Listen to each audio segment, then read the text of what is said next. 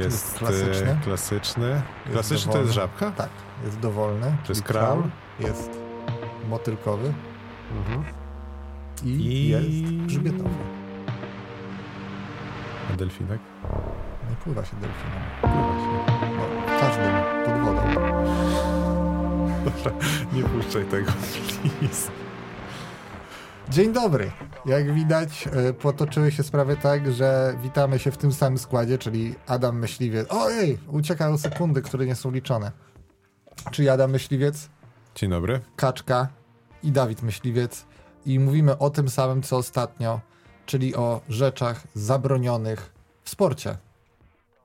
Ale rzeczach zabronionych innych niż niedozwolony doping, bo okazuje się, że tutaj mamy i naukę, bo nagle okazuje się, że obracając się możemy wygenerować większą prędkość tam liniową, kątową i tak dalej. I są wzory. I tutaj przepuszczalność powietrza w skokach.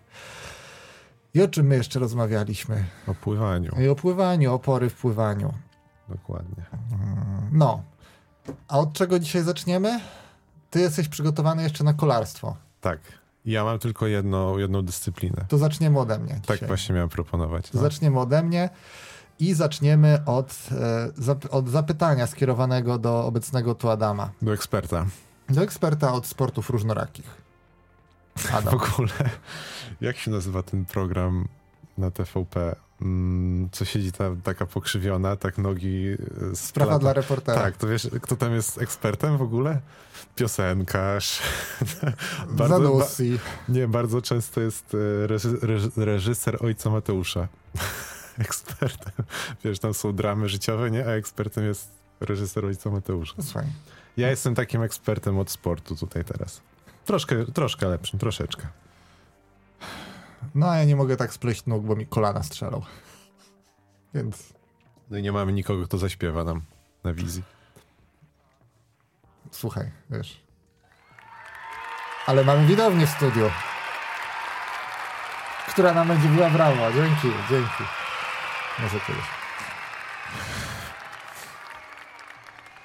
Tak. Do, do rzeczy. Adam, czy znasz takiego, takiego człowieka, może nie pytajmy nawet o sportowca, ale znasz takiego człowieka może jak Tauriki de la Mer? Nie. Nowozelandczyk, podpowiem ci. Nie. Nic? Nie. To jest ciekawe, bo to jest człowiek, który nie tak stosunkowo dawno był ministrem imigracji, do spraw imigracji rządu Nowej Zelandii. Mhm. A dlaczego chcę o nim porozmawiać? Prawdopodobnie też brał udział w jakichś e, zawodach sportowych, jakąś dyscyplinę uprawiał. Uprawiał dwie dyscypliny. E, I e, on w jednej z tych dyscyplin zrobił rzecz bardzo dziwną. Z drugiej strony, jak się nad tym zastanowić i spojrzeć z punktu widzenia biomechaniki, bardzo naturalną. Czyli to jest dyscyplina, w której ruch jest nienaturalny, mówisz? Mhm. Okej. Trochę tak, już zaraz będę tłumaczył o co chodzi, a on po, po tym jak to zrobił powiedział, sportowcy robią durne rzeczy, jeśli to poprawia ich wyniki. I uważam, że to mógł być tytuł tego podcastu. Dobra. A, więc Tauriki de la Mer nie wystartował w żadnych dużych zawodach sportowych. Raz na tam igrzyskach wspólnoty dla tych państw, które uznają zwierzchność królowej, wówczas brytyjskiej, teraz króla brytyjskiej, generalnie korony brytyjskiej może powiedzmy. Są takie zawody. Commonwealth Games. To tam Mhm. raz wystartował. Ale on uprawiał skok w dal i trójskok. Raczej skok w dal. I dzisiaj porozmawiamy o skoku w dal. Jaki jest rekord świata w skoku w dal? Nie wiem. Ale to nie jest Witamy w studiu eksperta. Witamy. Ale to nie jest ważne, Adam. Wiesz, co jest ważne? Ważne jest to, żeby y, przenieść się znowu daleko do, tyłu- do, w, w czasie. Przynosimy się do roku 1974. I ważne jest, żeby wiedzieć, jaki wtedy był rekord świata w skoku w dal. Mhm, Ponad mhm. czy poniżej 9 metrów? Mm, Poniżej. Dobrze. 8,35. Bo mi się pomyliło właśnie z tam. Pomyliło się tak, z 74. Tak, no. Też mi się to ciągle zdarza. Ciągle. Wstaję i myślę, że jest 74. Ale dość o polityce. Mm. Rekordzistą świata z wynikiem 8,35 był wtedy niejaki Józef Schwarz, reprezentujący jedną, jedno z państw niemieckich. Które? RFN. Nie pamiętam. Nie zapisałem. Ale my przechodzimy, my przechodzimy do Taurikiego Delamer. Taurikiego Delamer, który sobie skacze w dal. I znów, jesteś ekspertem, pamiętamy wszystkie twoje tup, tup, tup i sru. Jak wygląda skok w dal? Yy, bardzo podobnie. Też na końcu jest tup, tup, tup i mocne sru. Tylko nogami. Tylko z nogi. Tak. Kolega z Różdżki Azaksa. Nie no, długi rozbieg, długi skok. Najprościej mówiąc. No i dobrze. I teraz z punktu widzenia biomechaniki. Co się z tobą dzieje, jak się odbijasz od ziemi? Jakbyś chciał się tak bardzo szybko bie, biegnąc, bie, tak, biegnąc bardzo szybko, chciałbyś się od ziemi odbić. To co się stanie? No pewnie się trochę przesunę do przodu. Tak. Bo prędkość twoja jest pozioma, odbijasz się i góra twojego ciała, punktem wokół którego się obracasz jest stopa. Obracasz się wokół stopy, to jest twój punkt podparcia, punkt odbicia. To Mhm. się zgadza. Czyli tak naprawdę całe twoje ciało idzie do przodu. Leci do przodu. To jest takie przewracanie się w powietrzu, tak naprawdę, skok w dal trochę. No. To teraz mi powiedz, co robią skoczkowie w dal i trójskoczkowie w ostatnim skoku, w ostatnim kroku te, te, te, tego trójskoku, mm, żeby nie wyrżnąć na głowę. Podkulają nogi.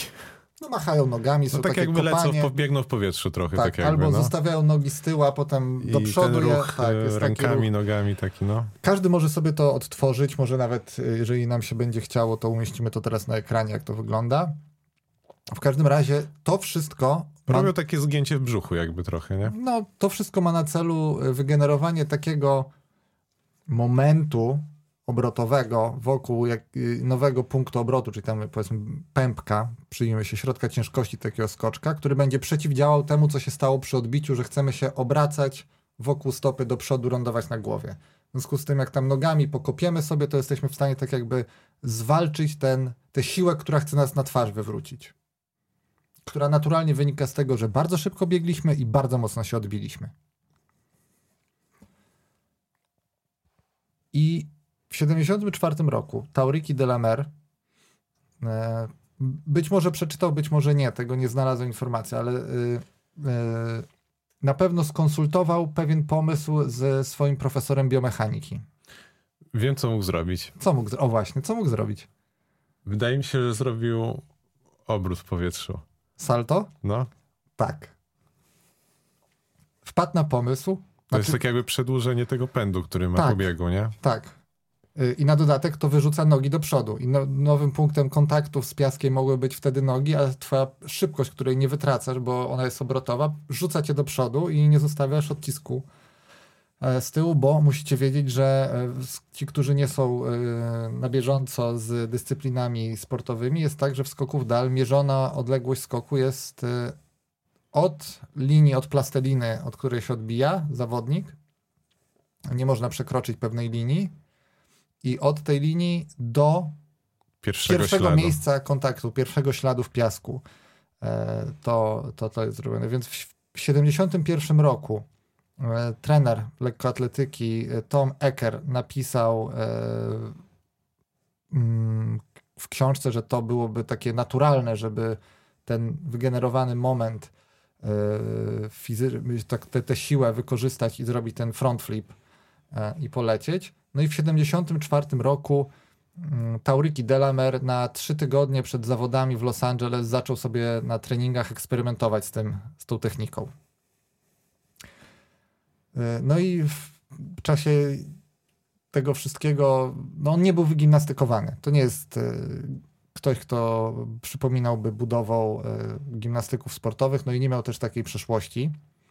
Więc zdarzało mu się lądować na, ple- na, na, na tyłku bezpośrednio z dużej wysokości dosyć, albo na plecach, tak plackiem. I przyznał się, że miał takie dzień albo dwa, że w ogóle nie mógł chodzić, miał tak poobijane plecy. I że bał się trenować tę technikę. Idealny sposób, żeby się wyeliminować z zawodu Tak. szybko.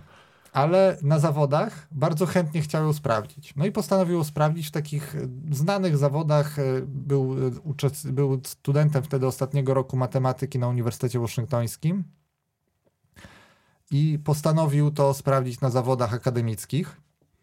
I jest nagranie. E, Jest nagranie. Tutaj mamy tak poważne studio, że nawet ja mogę to nagranie Adamowi puścić. Puść. E, ja ci puszczę to nagranie. E, Jest nagranie, jak teoryki Delamer. Jest też nagranie, co się dzieje, jak skoczek nie zrobi tych, tego ruchu w powietrzu. Widziałeś to? Jak biegł i wybił się, ale nie wiem, co się stało. Nie wiem, kto to był w ogóle. Zobacz. Ale skoczek wdal się wybił i zamiast zrobić tych ruchu, poleciał na twarz. Tak? No właśnie to jest. y, Te Tak ruchy, jak jakaś ryba martwa poleciał. tak, Tak, tak, te ruchy mają temu, temu zapobiegać. I bardzo bym chciał, żebyś teraz Adam włączył się w ty, bo nie wszyscy może będą widzieli to, co się dzieje na ekranie, a ja spróbuję to puścić. Więc może włącz tryb komentatora radiowego i mów wszystkim, co się tutaj dzieje. Mamy 11-sekundowy klip.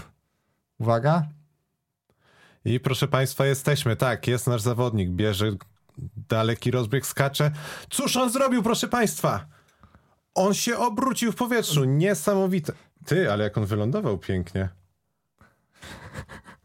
Naprawdę, ja się spodziewałem, że on... Czekaj. Ale naprawdę, to było przepiękne. Obejrzyj sobie jeszcze raz i zwróć uwagę, jak wygląda jego lądowanie.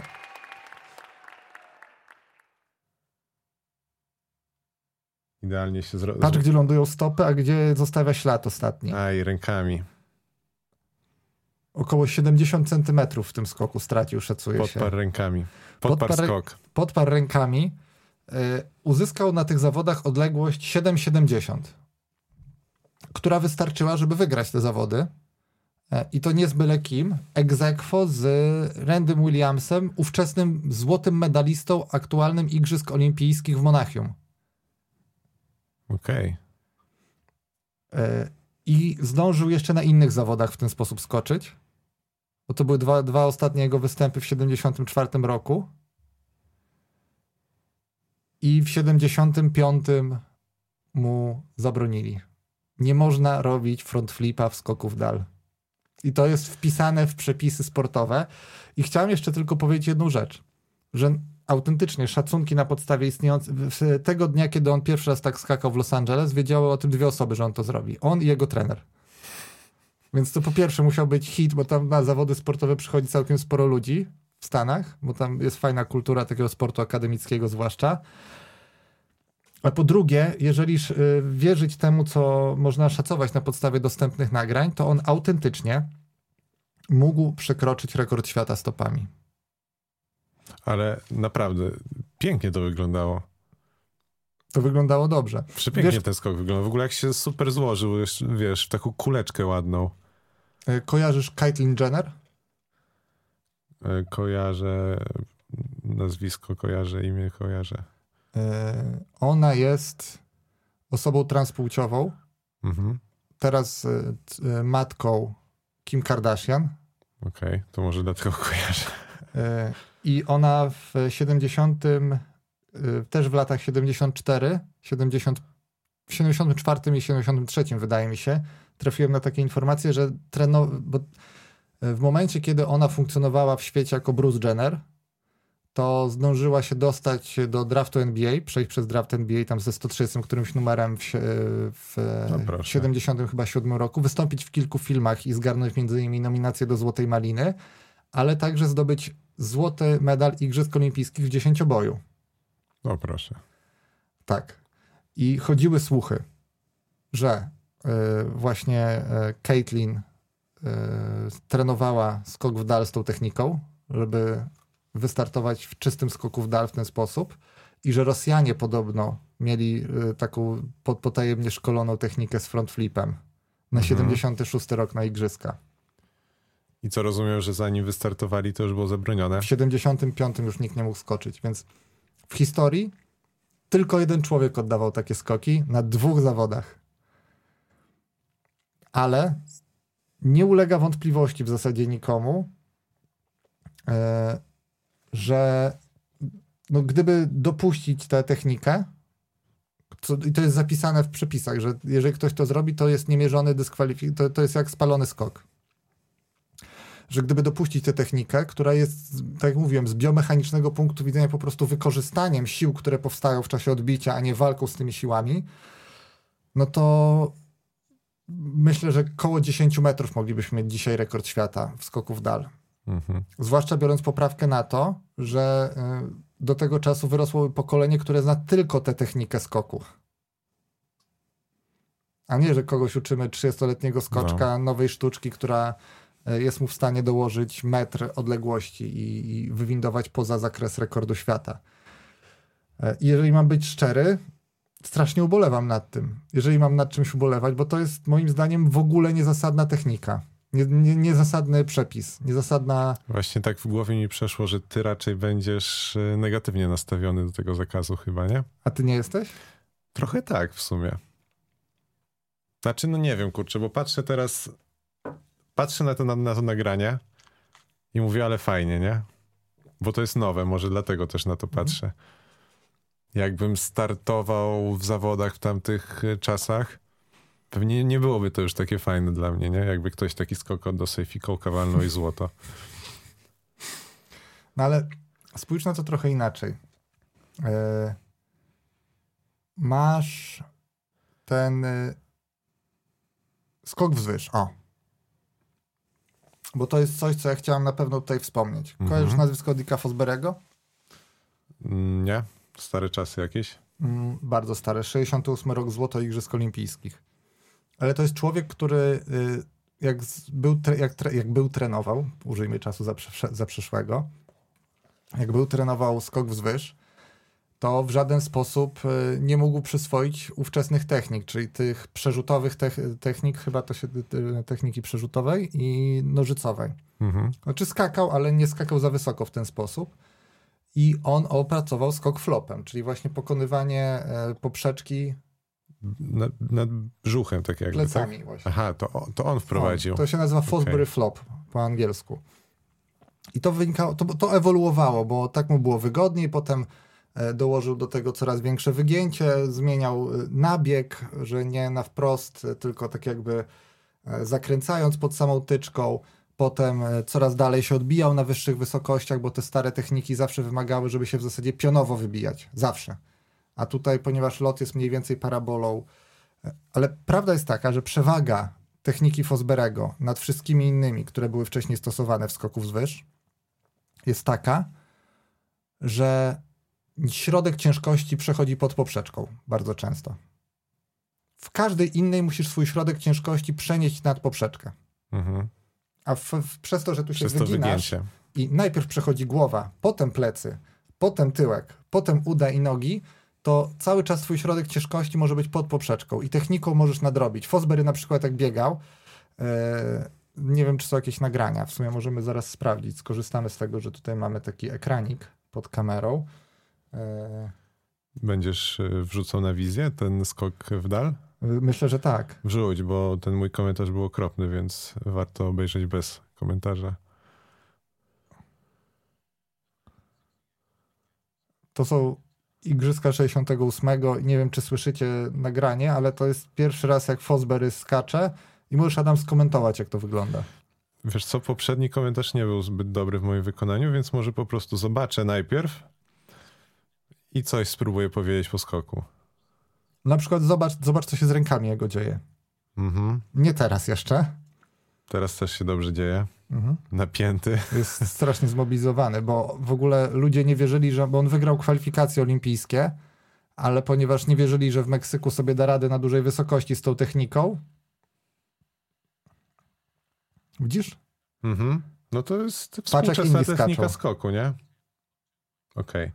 Czyli... Brzuchem, e, przerzutował tak, tą brzuchem. Właśnie miałem mówić, że Wcześniej się brzuchem skakało, a on taką współczesną metodę Nawet. Nie, ale zobacz, ręce miał wzdłuż ciała. Dzisiaj się wyciąga tę rękę i pod sam koniec pomagasz sobie, bierzesz zamach rękami. Więc ta technika też ewoluowała. On, on nie to, że ją opracował, tylko potem ona została dopracowana, bo więcej tej siły e, w górę możemy skierować, jak sobie rękami machniemy. E, w ogóle on, pomimo że wygrał kwalifikacje olimpijskie, to e, Amerykanie nie wierzyli, że mu może dobrze pójść na igrzyskach na wysokiej wysokości i zrobili drugie dla skoków wzwyż eliminacji olimpijskiej i tam też wygrał. I dopiero wtedy Mhm. mógł pojechać na igrzyska, gdzie pobił rekord igrzysk. Oczywiście 2,24, wygrał. wygrał. złoty medal, ale, ale, i tutaj jest taka ciekawostka, która trochę nawiązuje do tego, i dla, w ogóle dlaczego o tym mówię, no bo Adam powiedział coś, co mi też przez głowę przeszło, że może kwestia rewolucyjności tych, te, tych technik y, jest kluczowa. Że przy, ludzie nie robili nigdy front flipa i teraz jak niektórzy zaczną, to będzie nieuczciwie względem tych, którzy wcześniej e, tak skakali. Nie wiem, czy nie będę musiał zmienić swojego zdania trochę. No właśnie, myślę, że musisz, bo Bo pierwszy teraz rekord... dałeś, sorry, że przerwę, ale No. teraz dałeś przykład skoków zwyż. Skoki narciarskie to samo. No, Jens Weifsluk skakał i tak, i tak. No wiem, no ale wiesz, jednak była ta zmiana. Mogli Tak. mu zabronić tej drugiej metody. Mogli, V. mogli. Mogli. Mogli na przykład, no, próbowali karać. Skoro w innych nie zabraniają, to dlaczego tu? Z drugiej strony rzutoszczepem. No tak, ale to A jest tu bezpieczeństwo. bezpieczeństwo, tu jest No, co innego. No. skoków dal też mówią bezpieczeństwo, no bo na głowę można upaść. Przeturlasz się przez piasek, co najwyżej, jak się dobrze No ale, ale gimnastykę pozwalasz uprawiać. No, Gdzie na elastycznej macie lecisz, wiesz, 3,5 metra w górę. Dlaczego? Tak. Bo ktoś to całe życie trenuje. I tutaj też by ludzie trenowali całe życie. E, I dlaczego to nie jest tak, że y, chronimy, wiesz, y, że. Dlaczego? No. Nie, nie musi to być tak, że to jest ochrona z interesów starych technik, bo na przykład pierwszy rekord świata techniką Fosberego to już nie jest Fosbery, bo to jest jego jedyne osiągnięcie międzynarodowe złoto w Meksyku i Elo. Rozliczony jest. Tak, e, w 71 roku dopiero, trzy lata później. Mhm. E, W 72, czyli 4 lata później, kolejne igrzyska, 28 zawodników na 40 używa techniki Fosberego już. Czyli nagle praktycznie wymiana wszystkich, to czy tam wszystkich, no, 70%, nawet dokładnie, Dobra. ale złoto zdobywa reprezentant techniki przerzutowej, starej. O proszę. To ciekawe. E, Co więcej, w 80 roku, czyli 8 lat później, tylko 13 z 16 finalistów skacze techniką Fosberego. Ciągle są ludzie, którzy się do finału olimpijskiego łapią techniką przerzutową, starą, albo nożycami, ale raczej przerzutową, która jest tak na marginesie bardziej kontuzjogenna. Podobno dużo bardziej obciąża kolana, tak jak z, biomechanicznego punktu widzenia czytałem. Y, ale taka prawda, prawda jest taka, że w zasadzie od 2000 roku już tylko technika Fosberego, już nikt nie skacze starymi technikami, e, a od 72 do 2000 roku 34 na 36 medalistów olimpijskich to jest technika Fosberego. I on tak naprawdę nie mając y, wielkich y, predyspozycji do skoków zwyż, korzystając z fizyki, z biomechaniki, był w stanie ugrać coś dla siebie, rozliczyć się i wykorzystując tak naprawdę naukę w sporcie. Piękne połączenie. Mhm. I tak mi trochę przykro, że ten Tauryki Delamer nie miał okazji, y, nie wiem, w 70. drugi- 76 Nie wiem, który. wystartować na igrzyskach i sobie zrobić front flipa dla Nowej Zelandii na przykład. Chociaż z drugiej strony, gdyby wszyscy tak skakali, to tylko ci naj, najbardziej wytrwali pamiętaliby o Taurykim Delamer. A teraz jak wiemy, że był tylko jeden człowiek, który tak skakał, to przeszedł do historii w inny sposób. Czy wiesz, wyznaczanie No i został ministrem, zasad? ministrem do spraw migracji imigrantów w Nowej Zelandii. To też Tak. nie jest, wiesz, nie w kij pierdział. Czy też wyznaczenie jakichś zasad i reguł chyba nie jest złym, złą rzeczą, nie? Tylko właśnie e, zasady i reguły to jedno, tak jak mówiliśmy, no kiedy możesz zbiec do krawężnika w biegu na 800 metrów? No to masz policzone po to, żeby wszyscy przebiegli tyle samo mniej więcej. Mhm. E, że no, nie możesz sobie rzucać e, młotem, gdzie popadnie, tylko masz wyznaczony kierunek. Bezpieczeństwo. E, że nie możesz robić tańca z gwiazdami e, z oszczepem i wypuszczać go w losowym momencie. To bezpieczeństwo. też jest raczej bezpieczeństwo. No ale jeżeli tutaj uważamy, że są sportowcy, którzy całe życie poświęcają na trenowanie jakiejś dyscypliny i na przykład gimnastyką pozwalamy lecieć 6 metrów w górę na trampolinie, e, albo e, wybijać się, puszczać tycz, e, tych na poręczach, Mhm. ćwiczenia, czy na, na drążku ćwiczenia, gdzie wiesz, spadasz plecami gdzieś na ten drążek, na głowę lecisz, jak się nie złapiesz, plaskaczem na, na wcale nie tak bardzo amortyzującą matę i możesz sobie pouszkadzać się naprawdę poważnie. Nie rozumiem troszeczkę tego, dlaczego nie możemy robić front flipa w skoku w dal. Znaczy możemy, ale nas dyskwalifikują. Tym bardziej, że no to byłoby coś na miarę nowej techniki Fosberego. Skoków zwyż. Więc ja zasadność tego niepytany oceniam na 1 na 10 w tym wypadku, bo to nikomu by nie szkodziło. E, trening można by prowadzić na początku na materace, bardzo miękkie. Nikomu tak, by tak. się nic nie działo. Poza tym, no, jak pozwalamy uprawiać gimnastykę, jak pozwalamy ludziom skakać o tyczce i wiesz, zatywać z 6,5 metra na materace, to dlaczego nie możemy im pozwolić robić front flipa nad piaskiem? No tak. Skokotyczce, no tak, dużo bardziej niebezpieczny niż Moim taki zdaniem- front flip. Znaczy, ja wiesz, ani ra, liczba, licznik moich skoków na tyczce niestety brutalnie został przerwany na zerze. Ale no nawet jak pomyślisz sobie, przecież jest moment, w którym on jest głową w dół, ten człowiek. Powiedzmy, tyczka się łamie wtedy, nie? Dokładnie. Ile jest dookoła rzeczy, które mogą, mogą ci zagrozić? Tyczka ci może zagrozić, złamana chociażby. Upadek na Upadek tartan. na tartan, czy tam na to Słupki. miejsce, gdzie się tyczkę wbija, wbija, wkłada, no, nie wiem jak to nazwać. Zakłada. Materac jest twoim jedynym ratunkiem wtedy. Tak na dobrą sprawę. No. A przecież były sytuacje i bardzo dużo ich było, że się łamała tyczka po prostu. No, No. Zwłaszcza jak jest z włókna węglowego. Czy z tych takich. y, No, wszystko może trzasnąć przy takim naprężeniu. Więc y, ja czekam, aż ktoś pójdzie po rozum do głowy i przemyśli te kwestie. Myślisz, że wycofają zakaz? Mam nadzieję, że zobaczę jeszcze front flipy skoków dal i Nie rekord wiem. świata ponad 10 metrów. Nie wiem, dużo łatwiej jest chyba nałożyć jaką, jakąś, e, jakieś zakazy niż je zdjąć. Tak mi się wydaje. Już jest coraz mniej chyba miejsca na to, żeby um, taką innowację wprowadzać w sporcie. No niby tak. No Jedno, tak. że są zakazy, ale drugie, że zobacz. już w wielu dyscyplinach pamiętasz- udoskonaliliśmy technikę tak, Ale że za- myślę, za że naszego- mało co można poprawić. Ale za naszego życia było tak, że każdy mógł popełnić jeden falstart. Mhm. Teraz jest jeden falstart na bieg. Tak. Czy to jest bardziej sprawiedliwe? Nie. No, moim zdaniem nie. No nie. Niekoniecznie. Jest co najmniej tak samo sprawiedliwe. Może nawet mniej. A czym było podyktowane? Telewizja, bo bardzo Pewnie długo tak. biegi trwały. No, pamiętam biegi, że każdy sobie zrobił, po, każdy było- po jednym sobie zrobił. najczęściej to były na 100 metrów biegi. Tak. No bo gdzie? No tam można najwięcej zyskać na No. ułamku sekundy. Więc, a to była duża zmiana. To była duża zmiana. Przeliczniki za wiatr w skokach, o których zrobimy film.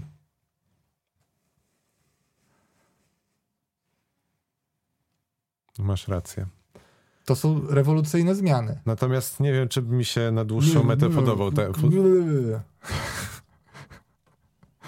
nie wiem, czy mi się na dłuższą metę podobał takie, podobało takie skakanie z front flipem. Przyzwyczaiłbyś się. Może tak. Nawet byś nie wiedział, że kiedyś tak skakali inaczej. Jakby wtedy nie zabronili, bo już by dzisiaj wszyscy to robili. No, no tak. Masz rację. Tak jak wiesz, dziwnie się ogląda teraz, jak ludzie skaczą nożycami wzwyż do piachu. A w ogóle ciekawa historia z tym Dickiem Fosberem i Fosbery Flopem e, w, e, w skoku wzwyż, który nie został zakazany, mimo że był nowy i teoretycznie, wiesz, zawodnik leciał na plecy, a nie na nogi. M- Możliwe, że on został zaadoptowany również z tego powodu, że w tym czasie zrezygnowano ze skakania do piaskownicy, bo tak było. E, Albo do e, trocin, Mhm. do skrzyni z trocinami. Okej. I Fosbery w jakichś zawodach akademickich mówił, że tak swoją techniką skoczył do trocin, to miał tak pozdzierane plecy, że nie mógł trenować tydzień. Czyli to też Bo to był, moment, to był moment, jak wprowadzali materace. No. Myślę, że jakby on, on próbował... Ale kiedyś musiał być sport ciekawy, Nie naprawdę. no, ale o tyczce też do piaskownicy się skakało. Piaskownica musiała być zabudowana jakoś, nie? Nie, Nie. no nie, taka obudowana, pewnie wkopana w ziemię. No ja sobie nie wyobrażam, żeby murek był. To nie są nasze igrzyska na placu zabaw. Kurde, mi się wydaje, Pamiętasz, że... jak robiliśmy skok dalej w piaskownicę i że się przeskakiwało czasem piaskownica, jak dobrze Tak, naszła ale-. Ja tak sobie myślę, jak, jak mówisz, że w ziemię tak jakby No wykopana dół w dziura. ziemi i tam piach. I co, sk- przy skaku, skoku wzwyż tak było, myślisz? No, Że z dwóch metrów lecisz na piach? Z dwóch? Z czterech? Pięciu? Ale nie, skok wzwyż mówimy. A wzwyż? No. Tak, tak, tak było. I tak leciałeś w dół i trach? No dobra, może to jest, ale mam Zaraz zobaczymy. tup, tup, tup i sru, trach. Vintage Paul Velat. A to to o tyczce teraz mówimy, no. No ale zobacz, na co oni lądują. Tu nie ma materaca. Okej, dobra, oni lądują na nogi po prostu, tak. Na, do piachu. Mhm. A 3,70 jest Tak, na, tak, na racja. liczniku. O, 3,80. Dobra, masz rację. I No. w ogóle ja kto- myślałem akurat o skoku I w ogóle ktoś nie? im te tyczki przykład, łapie. ale- Widzisz, wybiega Tak. sędzia i łapie tyczkę.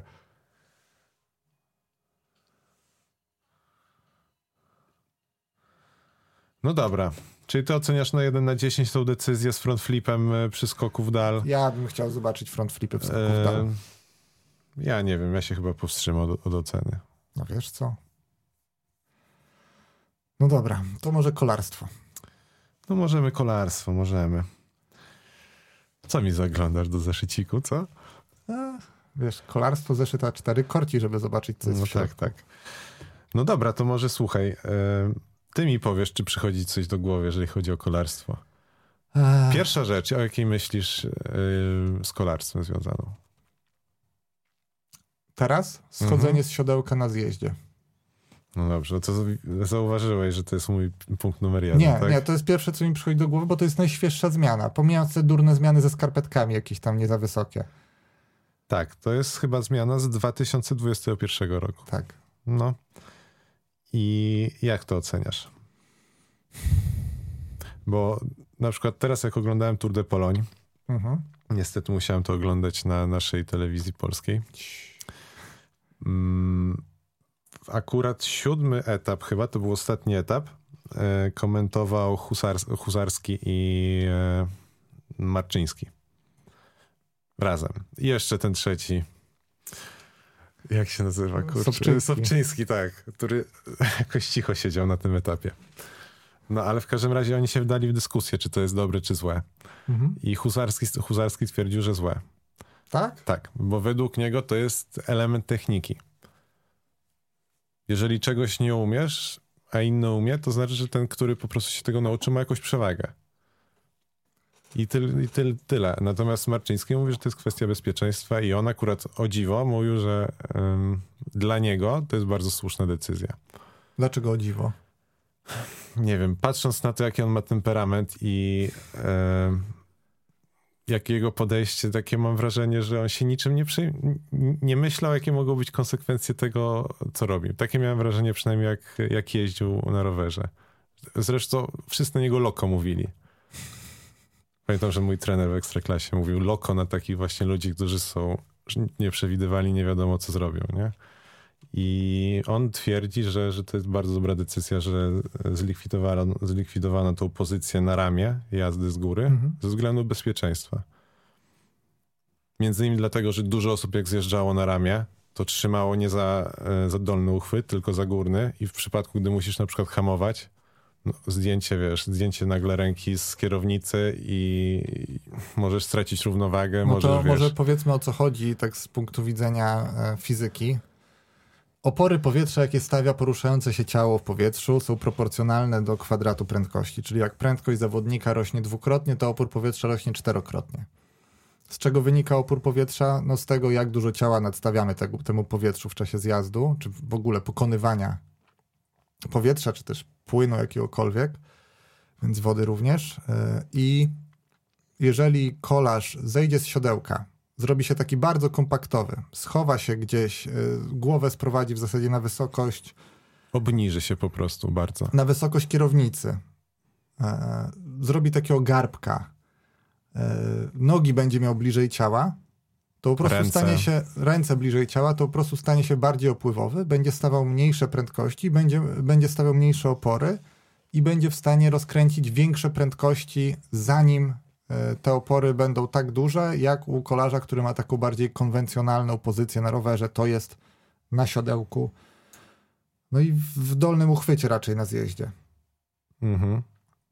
No bo w ogóle musicie wiedzieć, ci, którzy nie mają rowerów szosowych, że te rowery szosowe, poza tym, że mają taki uchwyt jak każdy góral, Klasyczny, no. klasyczny, to mają te powywi, powywijane. Baranka mają tak ten- zwanego. Ten, górny uchwyt, taki, e, gdzie, gdzie można powiedzmy e, się oprzeć, albo uchwyt w ogóle dolny z tym barankiem, e, gdzie można kierownicę złapać konwencjonalnie, oprzeć się trochę tak na górze, ciągle mając Ergonomicznie bardziej trochę. ergonomicznie bardziej i właśnie ta pozycja trochę obniżona, taka sprowadzająca do opływowej, ale nie tak opływowej jak w sytuacji, gdy możemy się skulić na ramię roweru, co między innymi robił zdobywając w Ponferadzie złoty medal Michał Kwiatkowski. I też tak sobie właśnie wynotowałem, że według mnie w dużym stopniu ta technika pomogła Kwiatkowi wygrać e, mistrzostwo wtedy. bo on, Michał Kwiatkowski bardzo dobrze zjeżdża. Nie wiem, czy jest takim demonem zjazdu jak e, Vincenzo Nibali swego czasu, w takim młodym prime, jak jeszcze ryzykował bardziej, czy e, Paolo Savoldelli, który ponoć gdzieś tam kiedyś ze Stelvio chyba na zjeździe ponad 100 km na godzinę rozwinął. Ale jest jednym z najlepiej zjeżdżających na pewno e, i lepszych technicznie na rowerze kolarzy. Myślę, żeby się znalazło paru lepszych, ale ciągle jest w topce. Jest w topce, myślę. No myślę takie top 5. No teraz Van der Poel, Van Aert. Nie, myślę, że takie- nawet Mohoric chociażby. A to teraz bardzo inside'owo się robi. E, Hermetyczny się robi ten podcast, Adam. Wracajmy do, do pozycji tej. I, a ty jak byś uważał? Czy, no właśnie ja się zastanawiałem, czy jestem team Marczyński, czy team Husarski. bo uczciwie, Huzarski muszę lepiej wymawiać. uczciwie obaj mają trochę racji. W sensie, jeżeli twoja technika pozwala ci robić rzeczy, których nie są w stanie zrobić inni,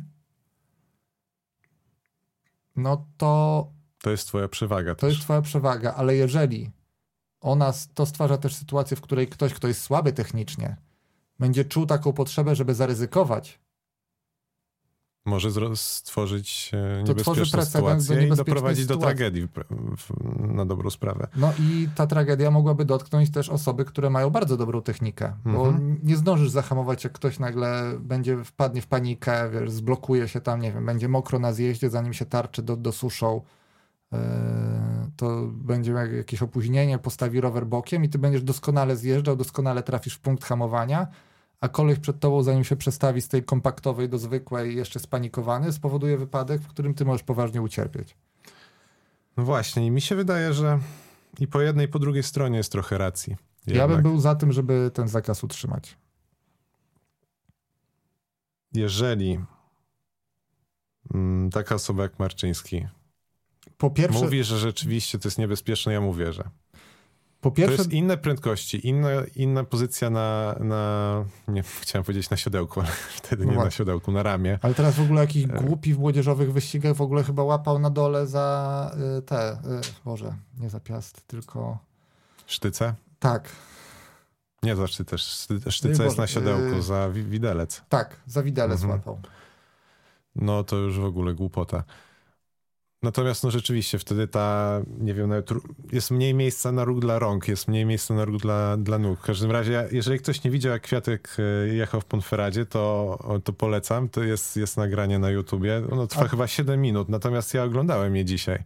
O. I Kwiatek e, tam kilometr równiutko jechał, e, siedząc na, na ramię. I, I dokręcając przy tym, bo to samo... Właśnie on tam chyba nie dokręcał Yy, jeszcze, bo też, ale yy, też musimy o tym trasa powiedzieć, w Ponferadzie była kręta dosyć. Tam Tak. był chyba jeden fragment, gdzie właśnie można było sobie na to pozwolić i to właśnie było przed yy, wjazdem, jeżeli dla takich Zgadzam się. dla osób, Z które tego, co śledzą, pamiętam, tak. przed wjazdem na mościk. Tak, Ale jedna, jedna rzecz, którą chyba tu musimy powiedzieć, że to nie jest tak, że kolarze tylko tak siadają, ale są tacy, którzy w tej pozycji jeszcze kręcą pedałami. Mhm. I teraz też insidersko się zrobi. Kto oglądał Tour de France w 2016 roku? Etap ósmy, pamięta prawdopodobnie Fruma, Mhm. zjeżdżającego. Z przełęczy górskiej do mety, tam było chyba 15 km do końca i on właśnie dzięki tej metodzie między innymi zrobił sobie przewagę i dojechał na solo do mety. I on, on tam dokręcał. I to nie wyglądało na stabilny zjazd według No nie, mnie. bo on jeszcze jest taki dynamiczny, Zwłaszcza, że Frum nie uważam, że był jakimś demonem zjazdu. On tak nerwowo to robił, zawsze Tak. kręcił. Ale a propos oporów, to też polecam sobie znaleźć film Superman, e, e, Superman Downhill Cyclist albo coś takiego. Co się dzieje, jak kolarz się położy na siodełku na przykład? To jest zakazane, myślisz? Jest to 100% zakazane. I Przede nie- wszystkim tego nie muszą zakazywać, bo każdy wie, że to jest po prostu strasznie niebezpieczne. Żaden kolarz by się nie podjął tego. Słuchaj, zacytuję ci może Delamera, którego już cytowałem. E, sportowcy robią durne rzeczy, jeśli to poprawia ich wyniki. Ale jeżeli zdejmie się nogi z pedałów i zrobi się bardziej opływowy, no to opory powietrza są takie, że można gonić zawodników, którzy pedałują na zjeździe. Jeszcze się jak się schowa w ich cień aerodynamiczny. W tym momencie ten szum, który słyszycie w tle, to właśnie my oglądający takie Mhm. nagranie i być może też e, wy fragmentami w tym momencie na ekranie widzicie to, co i my ci, którzy nas oglądają, ale pozdrawiamy też tych, którzy słuchają. Więc y, ja tutaj jestem zdecydowanie. Za, Ja jestem, uważam, że to jest rozsądne, że y, Pytanie, że mi się też jest- wydaje, że to nie daje aż takich zysków dużych. No właśnie, aż takich. właśnie Pod pytanie, czy- Jeżeli na wadze postawimy bezpieczeństwo i zyski związane z y, tym ryzykiem, które podejmujemy, mi się wydaje, że jednak to nie jest aż tak tego warte. Natomiast, tak jak powiedziałem, rozumiem osoby, które uważają, że, mi się wydaje w ogóle, że to że, jest dobra, la- dobra metoda zjazdu. że nie? dobry zjazdowiec w kolarstwie akurat więcej zyskuje w tych krętych partiach zjazdu, gdzie trzeba trafić z hamowaniem, z punktem, kiedy się dokręca, z wychyleniem roweru y, w zakręcie i dobrze przejechać na przykład przez, przez wierzchołek zakrętu, żeby go tak mądrze ściąć i wyjechać odpowiednio, tak żeby umożliwić się rozpędzić, niż na tym, że on się skuli na ramię. I tu się z tym zgadzam, że czym innym można nadrabiać na zjeździe. A wiesz w ogóle, że e, jak zabronili, to w 2022 roku Mohoric wygrał Mediolan Sanremo i on miał opuszczaną e, mechanicznie sztycę. W sensie obniżył sobie siodełko mechanicznie i na zjeździe wygrał Mediolan Sanremo. O proszę, No, to nie wiedziałem. To rozwiązanie z MTB podpatrzone. Nie wiem, jaki jest teraz status tego. Nikt tego nie stosował chyba od tej pory w kolarstwie No szosowym. Natomiast y, tak, on wykorzystał to. I odjechał bardzo. A pamiętasz, jak Bardzo Cancellara kiedyś na Gandawa Wevelgem, czy nie, na Flandrii odjechał Bonenowi, tak? Siedząc na siodełku, bo okazało się, że ma super niskie ciśnienia w oponach i może jechać bruki. Aha, no tak, I wszyscy bruki, myśleli, tak. że miał, że wszyscy myśleli, że miał motorek. No tak, w każdym razie, no, No dobrze. mm, to oceniając... Elektryczne już mam- rowery, elektryczne rowery też są zakazane, tak, Tak, by the kolarstwie. No dobra, no to jak do wszystkiego dajemy oceny, Ja 7, 8 na 10. ja dam... 9 na 10. To powiem tak, że y, no tylko dlatego, żebym może kiedyś chciał zobaczyć różnicę, jak dwie osoby zaczynają. Ale nie, to jest, to jest moim zdaniem niepotrzebne. 10 na 10. Ja dam jest 6 na 10. Ja Wiem, bym- kontrowersyjne, ale Tak? jednak dzięki temu trochę Kwiatek wygrał na Mistrzostwo Świata, dlatego... Sam powiedziałeś, że to aż tyle nie daje. A mógł jeszcze pedałować wcale miałby nie, nie 2 czy 3 sekundy Ja przewagi, tego nie wiem, 10. czy to tak wiele daje. Ja się mogę domyślać tylko, że nie ma aż takiej różnicy. Natomiast no, jak oglądałem e, retransmisję, no to grupa z tyłu pedałowała ile sił, sił w nogach. Kwiatek po prostu leżał na tej e, ramie. On Ale nie to pedałował. też kwestia brania zakrętów i tego, ile siły mieli w nogach. No dobra, Kwiatek w każdym razie... był forma życia. e, no nie wiem, no wydaje mi się, że jednak bardziej na, składam, skłaniam się ku temu, że to była dobra decyzja, natomiast też nie jestem tak do końca przekonany, bo ciągle widzę, jest e, w peletonie jakaś taka, nie ma zgody, jeżeli Dobra. o to chodzi. Co, co jeszcze masz z tego kolarstwa? No o skarpetach mówiłeś. No co z nimi? No co, że szy, szyny były złe. Podwoje też było złe i skarpetki były złe, to zrobili regulację skarpetek. Teraz jest taki przepis, że można mieć skarpetki jedynie do połowy łydki. Do połowy łydki to oznacza, że od mierząc od głowy strzałki w naszej kości strzałkowej do kostki bocznej wyznaczamy połowę odległości i do tego miejsca możemy mieć jedynie e, dłu- taką długość skarpetek. A ktoś sobie złamie nogę w czasie jazdy. No to widzisz, to tego nie przewidzieli. Natomiast mi się wydaje, że to jest e, martwy przepis trochę. Mi też się wydaje, że to jest martwy przepis. Pamiętam w tym roku oglądałem Giro. Ja w ogóle jak ten przepis wszedł, przepraszam, wejdę No, no, ci w słowo, ale ja się dziwiłem, że dlaczego oni wprowadzają taki przepis, zamiast na przykład pomyśleć, jak ułatwić rozpoznawanie kolarzy niż po numerach. Mhm. Dlaczego nie mają nazwisk na koszulkach Dlaczego na nie mają nazwisk na koszulkach? Dlaczego nie mają numerów na kaskach? Na przykład. Z góry, że jak pokazują peleton, to wiadomo, gdzie kto jest, a nie, że się musisz znać ty, te drużyny i wiedzieć mniej więcej, jaką kto ma sylwetkę w czasie jazdy, żeby się orientować. To tak samo możemy wrócić do wcześniejszego Dlaczego tematu te naszego. są wszystkie takie same, jak jest deszczowy etap? Bo nie, dobra, ci, którzy nie widzieli żadnego etapu w deszczu kolarskiego, to nie znają tego bólu, ale jak się kolarze ubierają w deszczowe ubrania, to oni wyglądają wszyscy tak samo. No, wiadomo. Prawie tak Każda samo. drużyna ma jakiś inny kolor, Ale one wszystkie są, deszczówki, one są w zasadzie wszystkie czarne. To No, są bądź, deszczówki z Decathlonu, no wiem, że trochę przesadzam, ale wiesz. no, no, wracając, bo miałeś coś wrócić. Tak, natomiast jakbyśmy wrócili nawet do tej pozycji aero, aero wcześniejszej, no to równie dobrze, Oreo, to nie jest lukowanie, Nie, ale E, mogło. no to też się zastanówmy, czy w tą stronę jest ograniczenie bezpieczeństwa, czy na przykład ograniczenie ilości motocykli, oddzielenie trochę kibiców od, od kolarzy. No w tym roku był przypadek na Tour de France, że Winigo był zatrzymany. Czy Winigo i Pogaczar, obaj byli. No, przez motocykla. Także są inne Które rzeczy, się- które są bardziej niebezpieczne i to jest argument, który, te, który Albo też stawiali e, kolarze. To jest też jeden z argumentów, że są inne, bardziej niebezpieczne rzeczy niż solowy zjazd na ramię. Bo to też można było zastosować. Na przykład tylko jak jedziesz solak, jest jakaś, nie wiem, umowna odległość od, Można. wiesz, od drugiego zawodnika. Ale wtedy musisz tę odległość wynegocjować i masz ten sam problem. Dlaczego taka? No, a wracając do skarpetek.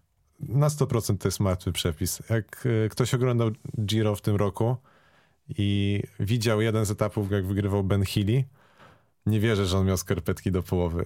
Tam te skarpetki 70% A może łydki on ma wysoką zakrywały. główkę No strzałki. tak, tak, na pewno, na 100%.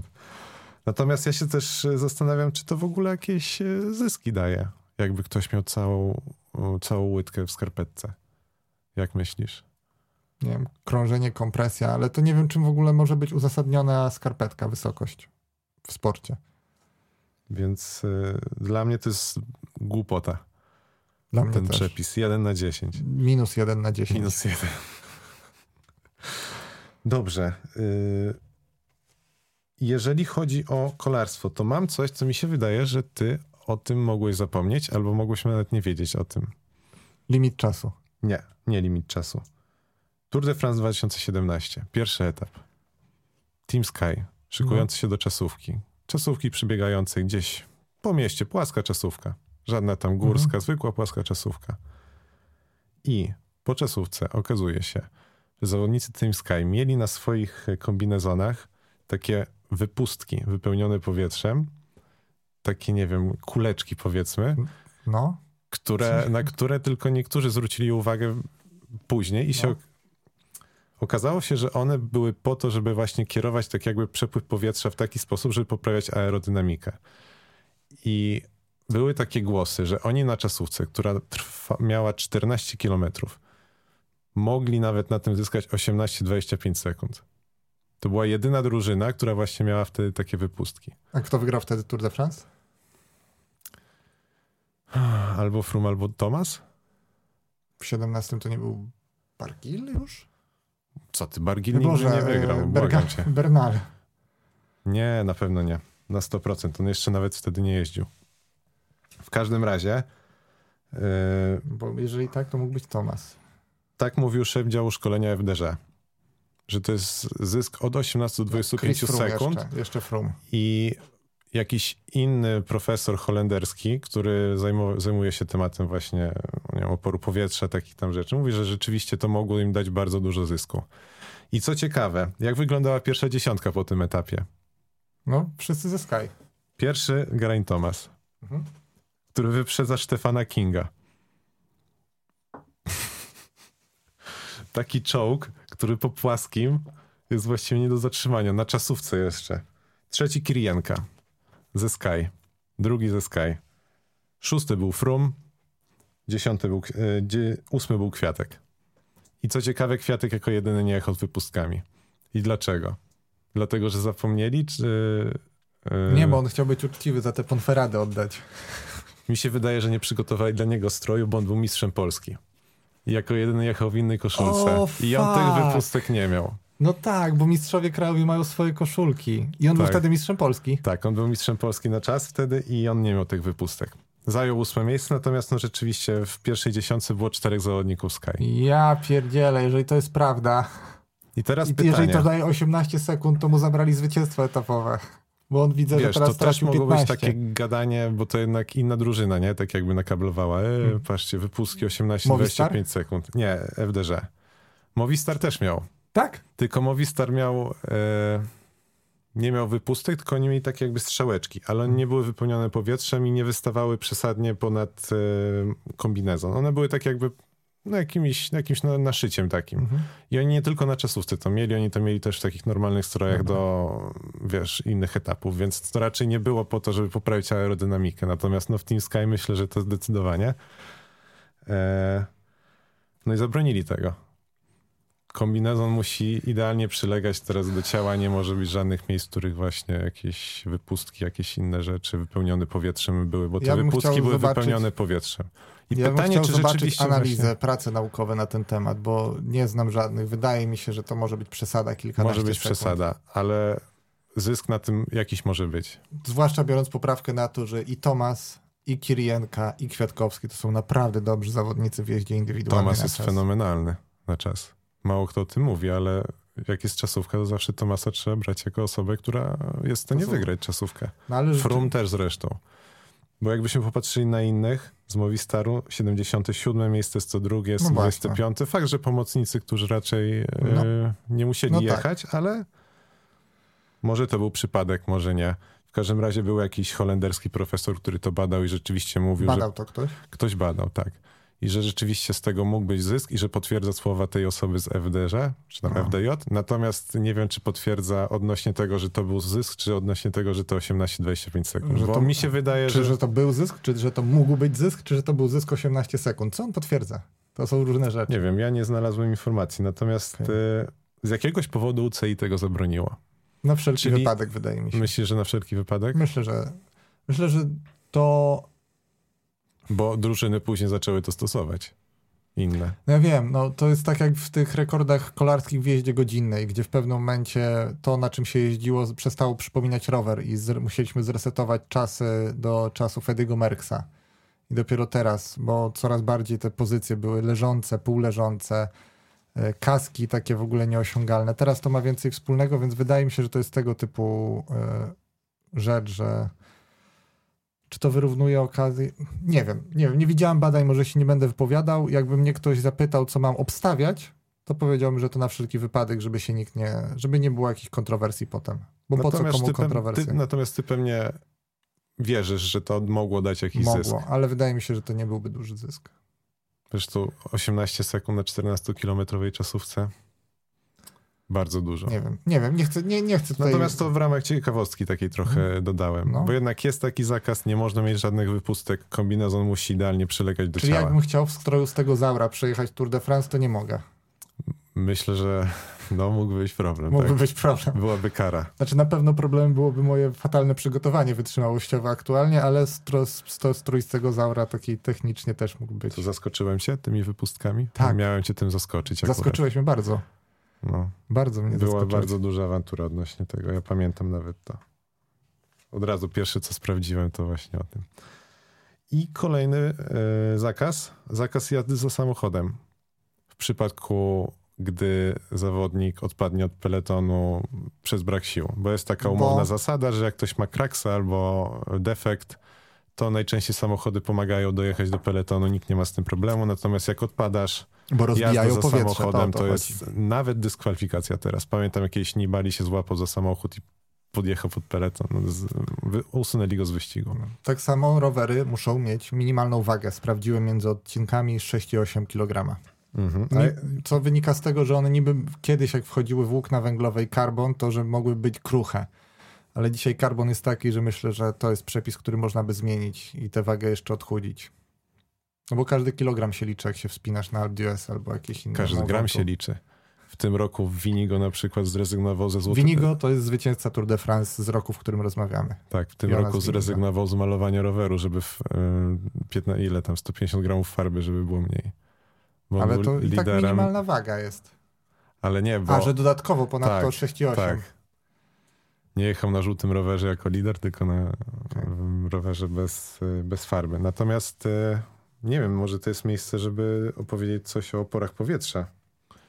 Czy nie No będziemy mów. opowiadać? Znaczy ja, to, ja właśnie nie chcę nic mówić, bo ty byś, by na pewno to lepiej opowiesz. Natomiast no, Tak jak mówiłem, opory powietrza wynikają z wielu rzeczy, też z tego, czy to powietrze, teraz tak jak myślę o tych wypustkach, przepływa laminarnie czy turbulentnie, czy się tworzą jakieś wiry na człowieku, czy ciele, które to powietrze rozbija, czy nie. I im bardziej płynnie jesteśmy w stanie e, przeprowadzić, tym, tym lepiej. No bo... Zresztą samochody nawet z tego korzystają, żeby jak najmniejsze opory były. Tak, tak. Bo Jakieś otwory w... prawda jest taka, że kolarze jadą jeden za drugim, bo ci z przodu chronią lidera przed wiatrem, przed powietrzem. Właśnie rozbijają mu powietrze, żeby on mógł pokonywać e, mniejszym wysiłkiem trasę, ale bardzo często lider ma jeszcze zawodnika za sobą, który pilnuje, żeby za nim, jak, jak jest taka kolumna Tak. zawodników, którzy rozbijają powietrze i ro, wtedy co jest za taką kolumną? No robi się pustka. Pustka, która w siebie coś zasysa. tak jakby.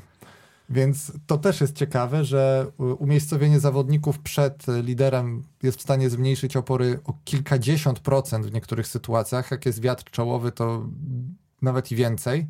Ja znaczy więcej niż e, kilkadziesiąt. Du, du, duże kilkadziesiąt. Ile oszczędza która osoba jadąca To jest tak w 10, kolejnych 20. miejscach? Y, Bo to, do czego ja dotarłem, to jest względem zawodnika, który jedzie solo. Tak, Jednej osoby. tak. Dlatego Pierwsza ucieczki osoba są w bardzo trudne do dojechania. I też y, musimy wziąć przy tym pod uwagę, że peleton jest taką szpicą jakby. Tak. Jest pierwsza osoba i nie jedziemy wszyscy wzdłuż, za sobą Tak. jeden za drugim, tylko no, rozsz- rozszerza się peleton. E, I to też ma znaczenie, bo dlatego pierwsza osoba łapie nie 100% wiatru, tylko mniej. Bo ten wiatr się tak jakby rozchodzi Mhm. na cały peleton i osoby z boku trochę też tego wiatru przejmują. To jest racja. Od 86 do 94% bierze pierwsza osoba na siebie. Oporów powietrza. Tak, względem osoby, która jedzie solo, powtarzam. Druga I osoba to, to, jest tylko już... I to tylko dzięki temu, że są ludzie obok i za nim. Tak, dokładnie. Druga osoba to jest już 60-65%. Trzecia osoba, jadąca w środku, czyli mająca z- boku powiedzmy też inne osoby, 37%. Czwarta, czwarta osoba 25-30%. Piąta osoba 17% i tak dalej, i tak dalej. I wyliczono, że liderzy powinni jechać w rzędzie szóstym, ósmym.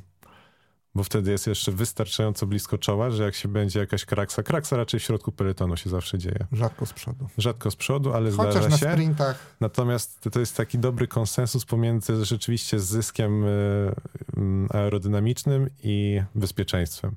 Ten No. szósty, ósmy rząd. Natomiast ostatni zawodnicy, jakby byli tacy, którzy chcą jechać, to oni, zapisałem sobie, muszę sprawdzić, biorą na siebie tylko 5-7% tego, co bierze y, pierwsza osoba. Czyli 5-7%, 100% tego, co samotny. E, Tak, tak, tak, tak. Czyli w przypadku, gdy peleton pędzi 54 km na godzinę, to kolarz jadący gdzieś tam na samym końcu, nie ostatni, ale gdzieś tam przedostatni powiedzmy, yy, odczuwa jakby jechał 12-13 na godzinę. Musi tyle energii włożyć, jakby miał jechać 12-13 km na godzinę. 50, 12, 13 to jest 4 razy 16. Zgadza się. Ja tego nie liczyłem. Zgadza ja się, bo ja tylko, przypominam- Podaję O, informacje, przypomnę, to jest dobry ja moment. To jest dobry moment, żeby przypomnieć, opór powietrza rośnie proporcjonalnie do kwadratu, czyli jeżeli mamy 50 do, do 13 powiedzmy, 12,5, to jest 4 razy mniej, 4 razy mniejsza prędkość, 4 do kwadratu to jest 16, czyli 16 razy mniejsze opory, czyli ze 100% podzielić na 16 będzie około właśnie tam 6-7% w tym przedziale. Zgadza się. Dobrze, Czyli dobrze podałem. Nie wymyśliłem żadnych Dobrze. rzeczy. dobrze, zaliczone. Dlatego właśnie tak istotne jest, żeby mieć kolegów z zespołu, którzy podprowadzą cię Warto w odpowiednie miejsce peletonu, Od jak, tego kiedy trzeba. Nie wiem, wydaje mi się, że chyba tyle. Ewentualnie pobieranie bidonów na ostatnich kilometrach. Trzymanie, no, nie jest to głupie według ciebie? Tak już wie, wiem, że to naukowo tego nie wyjaśnisz, ale no ale to jest też kwestia tego, że na niektórych etapach to pobieranie bidonów jest holowaniem przez 20 metrów. okej, ale no to powiedzmy, że Po, to jest po pierwsze, a po drugie to e, sprowadza do ucieczki samochody i stwarza niebezpieczeństwa, jak się coś dobrze. dzieje. A powiedzmy, że ym, wystawiasz na trasie swojego człowieka z zespołu, który ma ci podać bidon. Dlaczego on ma ci nie podać bidonu? Bo nie może. A, dobre pytanie. Chyba nie może, tak mi się wydaje. To nie tylko z samochodu, bidonów z samochodu? Proszę, proszę bardzo, kto to dzwoni? Jacek dzwoni. Akurat o kolarstwie rozmawiamy. Poczekaj, wezmę. Jacek? Dawid? Jacek, wiesz co? Tak, dzwoniłem, bo chciałem się z tobą umówić na nagrywanie podcastu, ale wiesz co, my teraz jesteśmy w środku nagrywania podcastu z Adamem. Y, dobrze, czekaj, bo ja chyba cię nie usłyszałem. Strasznie słabo cię słyszę, tak cichutko. No bo jesteśmy w piwnicy. Dobra, zadzwoń później. No, to się dogadamy na twój odcinek zaraz. Bo będziesz, będziesz. A ja nie wiem, czy ja będę, bo ja, co, ja do siebie odzwaniam, Dawid. Dogadamy. Dobra, na razie Jacek. Pozdrowa mama. Pozdrawiam Adam cię, cię Jacku. słyszy, bo jesteś na głośniku. Słyszą cię też słuchacze odcinka tego, który nagrywamy. Świetnie. Strzała. Na razie, hej. Patrz, nawet nie pozdrowił, no. Nawet nie pozdrowił, no. A wy prosicie, żeby wrócił Jacek. Widzicie, on... Dawid, chciałem ci powiedzieć, że godzina mija. Minęła godzina, a my ostatnią dyscyplinę Więc tak, zrobimy. tutaj y, więcej nie ma nic do dodania. Właśnie widzę, że się kończy twój napis, więc ja chciałem teraz... e, Jedyne to powiem tylko tyle, że z bidonem według mnie to jest głupota. a, Bo doprowadzać organizm do... Ale masz dwa kilometry czy trzy na górskich etapach ostatnio. E, Zamykam swój notes. Nic w nim nie mam więcej. Dobra, y, co wiesz o... Mm, o łyżwiarstwie figurowym? Y, że jest. To wiem. Dobrze. Więc skomentuj to, co tutaj widzisz.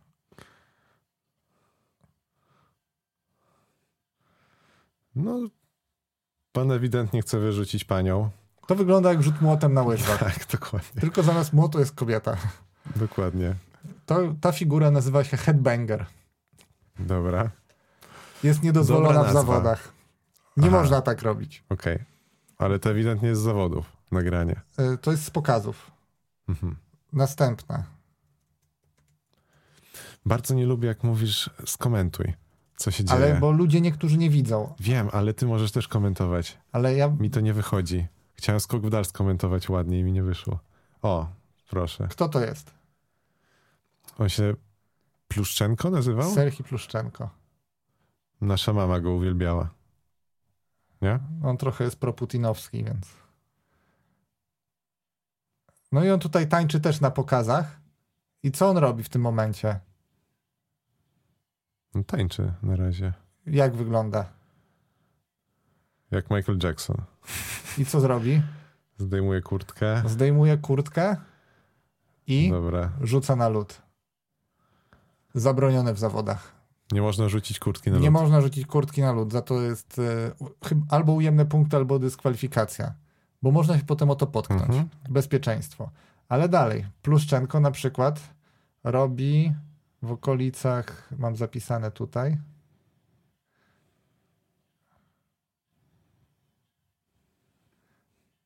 Gdzieś niech ja to znajdę.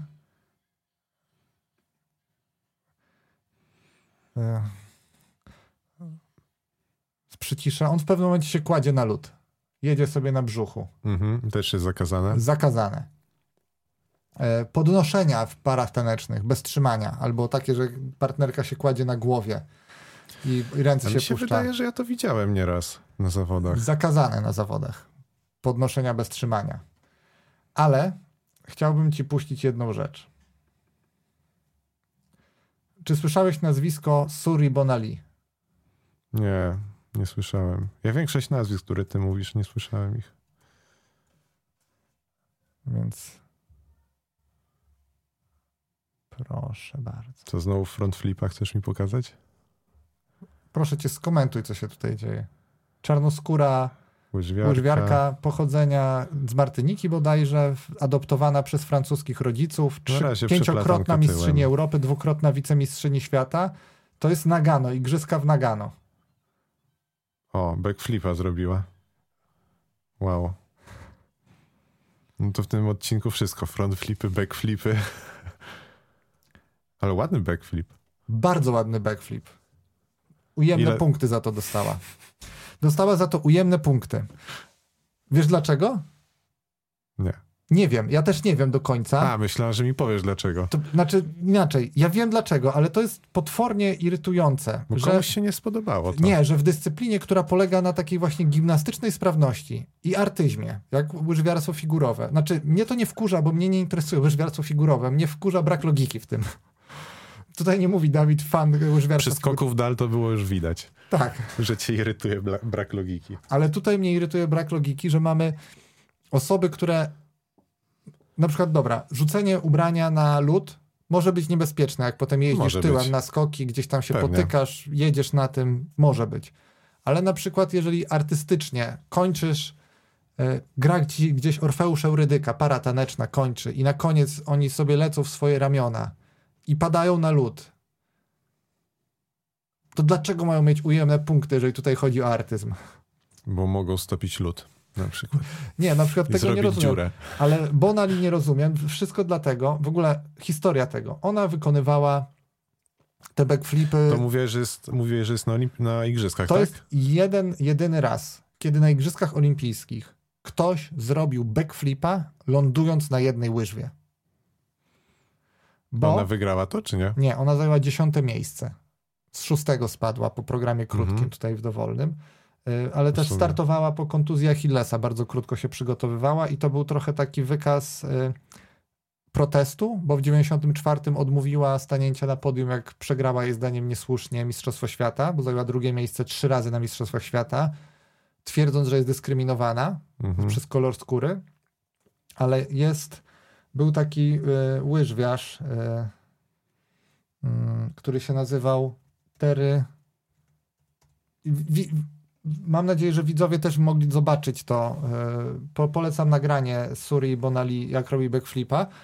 Tych, którzy nie mogą nas oglądać, a tylko słuchają, ale y, A powiedziałeś, że to był jedyny raz, jak ktoś na jedną łyżę wylądował przy backflipie. Właśnie. Czy był backflip e, jeszcze Jest. jakiś inny? jest Tery, Tery Kubicka. To jest 76. w 76 Amerykanin, który porównaj sobie to i teraz y, ci, Ale którzy tutaj bym dał ujemne punkty za to. Nieładne Tery, to było, Tery, Kubi, nieładne. Tery Kubika pewnie to się czyta, nie? Mhm. On zrobił backflipa, lądując w zasadzie na czubki łyże, wstając w miejscu na koniuszkach. Tutaj było widać, że to jest po prostu wymuszone i że jakby on wylądował na głowie, to by nie... Znaczy dobra, przesadzam, ale on ryzykował tutaj dużo. Widać było, że to nie jest dla niego komfortowe, że to jest ryzyko. Natomiast jak ja oglądam Surię Bonali, która potem y, w ogóle po Nagano, jak zrobił, to, to jest ostatnia rzecz w zasadzie, którą robi w karierze amatorskiej na igrzyskach, przechodzi na zawodowstwo, występuje na pokazach łyżwiarskich, bo wtedy amatorzy jeszcze mogli tylko startować i e, robi backflipy na jedną, na dwie nogi. Potem ludzie na pokazach robią e, backflipy w ogóle z saltami, z tymi, z e, śrub... Śrubą. No, no, Wiesz, wprowadzamy zaraz parkour i e, jakiś, Parkour. jakiś breakdance na Igrzyska Olimpijskie letnie, a nie możemy zrobić backflipa y, w dyscyplinie, która polega na gimnastycznej sprawności i takiej baletowej sprawności, gdzie to się w ogóle dzieje. Więc y, ja tego w ogóle nie rozumiem i uważam, że to, że Surya Bonali, której mówili wszyscy, żeby tego nie zrobiła, zrobiła tego backflipa, to jest w ogóle taki super manifest tego, że czasami warto dać jakiejś dyscyplinie sportu się rozwijać w tym kierunku, w jakiej rozwijać się mogą zawodnicy, którzy ją reprezentują. I że nakładanie jakichś takich durnych rzeczy, jak to, od czego wyszliśmy w pierwszej części podcastu, czyli wszystkie skarpetki tego samego koloru y, u koszykarzy, jest trochę niepotrzebne w niektórych sytuacjach.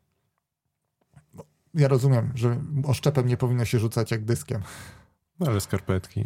ale skarpetki, ale jeżeli ludzie... Mam jedne, jedyne białe. Jak się przydziurawią, to co? jeżeli ludzie są w stanie robić y, w gimnastyce takie rzeczy, a nie pozwolimy im robić takich rzeczy w innych dyscyplinach, gdzie taka sprawność mogłaby być wynagradzana z moim zdaniem korzyścią wizualną. Ten skok Suri Bonali był naprawdę super Bardzo ciekawy. Mnie nie interesuje łyżwiarstwo figurowe, ale jakbym zobaczył backflipa, że nagle wszyscy napiżają, może bym się zainteresował.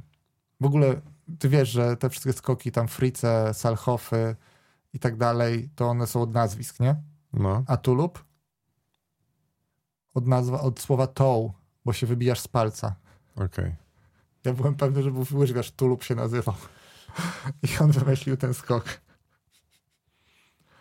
A to był jak Monali? Su- Surya Bonali. Suri Bonali. Bonali. O. Suri Bonali. W ogóle bardzo ciekawa historia jest Suri Bonali. Polecam. Nie wiem, czy Netflix nie zrobił jakiegoś dokumentu. Na pewno Radio Lab zrobiło podcast cały jej poświęcony. Jak tak podsumowując już te nasze... Ale kurczę, tym bardziej, że to jest dyscyplina, chyba że właśnie tu się powinna liczyć najbardziej innowacyjność, bo co z tego, że zrobisz kolejnego tego. No kombinacje, poczwórne skoki. W ogóle Suri No wiem, ale ile osób to robi, nie? Na pewno byłaby łatwiejsza do wejścia dla osób postronnych, jakby się więcej działo. No bo, bo bądźmy szczerzy, ja jakby mi wyłączyć komentarz łyżwiarstwa figurowego, jeżeli już, już jest ten jeden rok na czterolecie, kiedy coś oglądam, No. y, i wyłączyć mi komentarz łyżwiarstwa figurowego, ja nie odróżnię Axla od Tulupa, od Salhofa, od Luca, A backflipa? ale backflipa. Nie wiem, do czego dążymy. No w sensie wejście dla kibica, nie? Aha, dobra, bardziej, okej. bardziej taka ciekawa... Masz, masz minutę, żeby zainteresować widza, tak? Tak. No i Pokażesz mu Salhofa, czy jak tam Masz się one gościa, nazywają, który- czy backflipa, tak? który robi y, kombinację potrójny tulub, podwójny tulub, która jest chyba jedna z łatwiejszych z tego, co kojarzę, bo teraz to się skacze poczwórne skoki w kombinacji z potrójnymi. I masz gościa, który robi poczwórnego tulupa z potrójnym akslem, gdzie w ogóle aksel jest chyba bardzo trudny do skoczenia potrójny w Nie kombinacji. wiem, totalnie się na tym nie znam w ogóle. No i właśnie, i oglądasz i ty nie wiesz bez komentarza, że to jest coś niezwykłego. Jak nie widzisz reakcji publiczności, która się zna. A jakbyś zobaczył, że tu ci koleś wali dwa, potwór, dwa, dwa, dwa skoki, a potem backflipa, wiesz, i szpagat, No. no to to jest coś, na czym jesteś prędzej się w stanie zainteresować i powiedzieć, to jest trudne, no. To jest trudne. Backflip, frontflip na przykład, to, to jest. Taką kombinację, tak? Jedno po drugim. Skoki w dal na łyżwach z frontflipem. No, no pewnie masz rację. I to jest, wracając Natomiast- do tego, od czego wyszliśmy, czyli taki doping w sporcie. Regulacje są dobre. Regulacje, moim zdaniem, jeżeli chodzi o odblokowanie sportu dla dopingowiczów, zdecydowanie nie. Zrobienie otwartego sportu bez y, kontroli antydopingowych będzie prowadziło do zgonów. Tego jestem pewny. Y, natomiast no, nie każda regulacja jest taka, która moim zdaniem jest w pełni uzasadniona. I backflip, brak pozwolenia na backflipa, czy w ogóle ujemne punkty za wykonanie tych No elementów, to które są chore, zabronione, y, to jest strzał w stopę tej dyscypliny sportu, moim zdaniem. I to jest, jeżeli minus jeden, co my daliśmy minus jeden? Skarpetki? Skarpetki. No to to jest minus minus 2 jeden? na 10, moim zdaniem, sensowność tego rozwiązania. No ja myślę, że też bardzo nisko. Ale no nie znam się tak na łyżwiarstwie, żeby tutaj robić siebie znawcę, więc e, nie będę udawał. Ale twoja reakcja, No, że to bardzo fajne było. no. A jak oglądasz łyżwiarstwo... Dlaczego? Było, co, było coś innego po prostu. Pewnie też dlatego tak urozmaicona zareagowałem. dyscyplina. Urozmaicona. I nie rozumiem, dlaczego nie można. Ja, znaczy, dobra, wiem, no, ktoś uderzy głową o lód, no ale jednocześnie mamy dyscyplinę, która się nazywa gimnastyka artystyczna, gdzie możesz spaść z 5 metrów Tak. No to już o tym rozmawialiśmy, nie? Przy okazji skoków dalej. A w ogóle nie wiem, czy wiesz, że w skoków z wyż, bo o tym nie powiedziałem, zanim się pożegnam, to o tym powiem.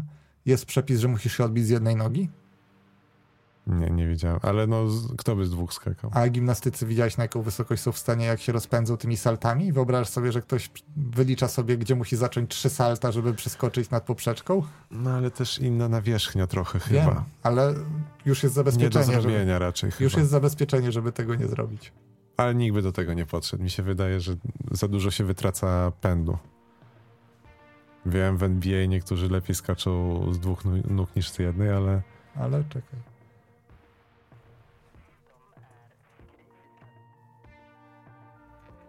No ja na przykład nie potrafiłem wsadów robić z dwóch nóg. W sensie robiłem je, ale one były takie wymuszone. Z jednej czułem po prostu, że, że wykorzystuję ten pęd, nie? Zobacz, człowiek z miejsca przeskakuje swój wzrost. Mhm. Jakby mu jeszcze dać się rozpędzić i nabrać właśnie takiej prędkości obrotowej, 3-4 salta i to czwarte wysokie, tak jak w gimnastyce, Ja wiem, że nawierzchnia jest sprężysta w Nie wyobrażam sobie tego. Natomiast no to Y, Są głosy, że, mo, powi- że to może mogłoby tym skutkować. gdybanie to jest. No, ale to też mam Skoro nadzieję, jest że zakaz, to znaczy, że się nie, tego nie, nie nie spróbuje. doświadczymy tego. chociaż jest zakaz backflipa. I dare you, gimnastycy. Zapraszam na tartan. Nie, ja chcę, wyciągając z tych dwóch e, odcinków, ja chcę zobaczyć front flipa w dal. A ty? Co byś chciał zobaczyć? Z tych, które są zakazane, Albo w ogóle, nie, w ogóle taki take home message. Ja mówię, pozwólmy skoczkom w dal robić front flipy.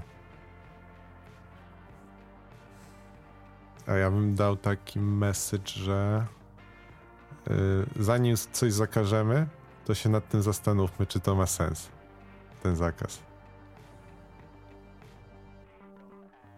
Może właśnie w przypadku tego skoku w dal nikt się nie zastanowił na dłuższą metę. A może, może rzeczywiście to jest kierunek, w którym warto iść, zapytać zawodników, podyskutować z nimi. Ale z drugiej strony, czy są takie dobre rozwiązania? Ci, co potrafią, to będą chcieli, żeby to było dozwolone, ci, co nie potrafią, będą chcieli zakazane i zawsze będzie kontrowersja. Przykład kolarstwa i jazdy na, na ramię. No. A inna sprawa, że nie dogodzisz wszystkim, może o tak. Mam nadzieję, że jak najwięcej osób tym odcinkiem zostało dogodzonych. Dziękujemy za uwagę. Tym i poprzednim. Tak. Dziękujemy za uwagę. Proszę Dziękuję. Państwa, Adam Myśliwiec.